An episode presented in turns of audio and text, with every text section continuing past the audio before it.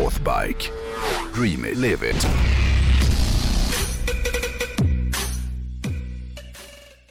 Förra veckan, tror jag att det var, visst var det förra veckan som jag snackade om Camel Trophy va? Ja. Ja. Och den här veckan tänkte jag faktiskt fortsätta lite på samma spår och, och snacka om en hojtävling som jag inte är så säker på att så många faktiskt har hört talas om. För det var nämligen så att Camel faktiskt anordnade en hojarnas motsvarighet till Camel Trophy. Eh, som var minst lika cool, om inte ännu coolare än den traditionella Land Rover-tävlingen. Och tävlingen hette Camel Marathon Bike. Och anledningen till att den har så jävla dåligt namn, det beror på att det är italienare som har försökt döpa den här tävlingen till något som skulle låta fränt på engelska. Ja. Ehm, Och, och får jag gissa varför man lagt till bike? mm, Därför att om man, man ska ha en tävling som folk ska ställa upp i, då vill man ju googla på det. Mm. Och skriver man Camel Marathon, då får du ju upp såna kameltävlingar i eh, Saudiarabien. nej, det Vadå tror jag nej? absolut inte det var, för det här var ju då 87 och då fanns det inte Google eller internet överhuvudtaget. Så jag tror inte de var rädda att folk skulle googla. Men det, det var en god tanke. Nej, den heter Camel, äh, Camel Marathon Bike och, och även om namnet suger så var det en förbannat ball tävling. Idén var mycket enkel och den föddes då på Camels marknadsavdelning i Italien. Och det man ville göra då, det var helt enkelt att kopiera Camel Trophy men istället då för Land Rovers så slöt man ett avtal med Honda.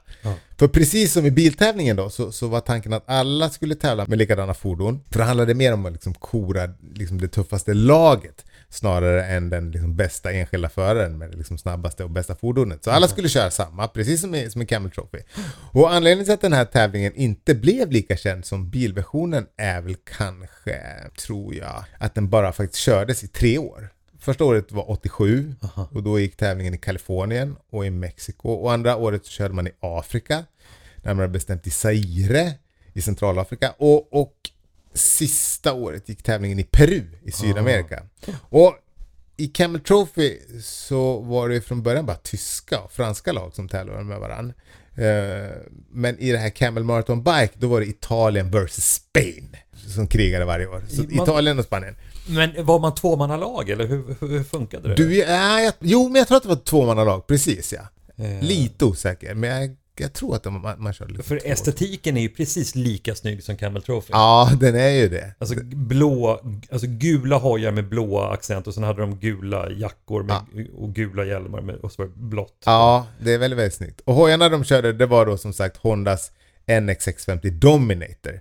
Eh, som egentligen inte hade modifierats sådär jättemycket från originalet. De hade ju bytt andra däck såklart och lite uppdaterad Jävligt snygg hoj.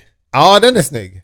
Eh, även om de hade uppdaterat stötdämpningen och sådär. Men i, i stort sett så var det väl originalhojar man körde på. Och anledningen till att de la ner den här tävlingen tror jag var för att den ganska snart blev väldigt framgångsrik. Och, och, och, det var inte så konstigt eftersom den red ju på framgångsvågen från biltävlingen. Eller snarare, den fick ju marknadsförings marknadsföringsmässig draghjälp från biltävlingen. Och, och tanken var också att man, man skulle bjuda in fler länder att tävla på sikt då.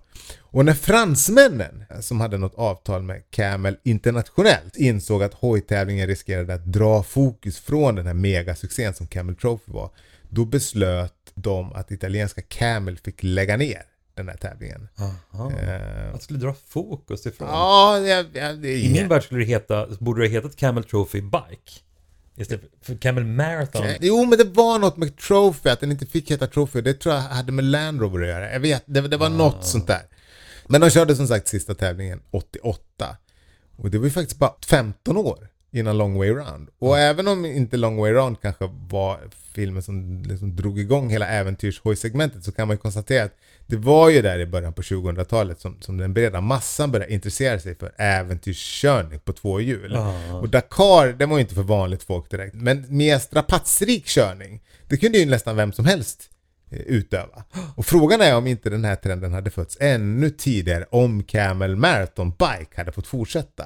Eh, och då kanske det hade varit Honda idag och inte BMW som hade varit herre på täppan gällande äventyrshojsegmentet. Eh, men det som är så jävla sjukt är att när man tittar på de här bilderna som, som du sitter och kollar på nu Ja. så känns det som att de är väldigt gamla, eller hur? Verkligen. Men som jag sa, de- här bilderna är ju tagna mellan 87 och 89 och då gick ju du och jag på gymnasiet. Och det känns ju inte som att det var så himla länge sedan. Men då får man också tänka på att det, på den tiden, kamerorna var inte speciellt bra. Nej. Alltså amatörkameror. Nej, men precis. Dålig upplösning Och, och så fanns det inget internet. Så då alla bilderna som förmodligen togs under Camel Marathon Bike, de ligger liksom på någon, någon så här, i, i någon gammal Instamatic-kamera. Och, Ja, och så är det möglar Ja, liksom. diabilder i bästa fall. Ja, i bästa fall. Men om man tittar på liksom hur kläderna och hojarna såg ut, då känns det ju som att det var väldigt länge sedan Ja. det såg ut på det sättet. Och det var det ju i och för sig, och det är det man, man fattar ju, i fan, tiden går så jäkla fort. Kontentan är med andra ord att vi återigen kan konstatera att vi är väldigt gamla du och jag.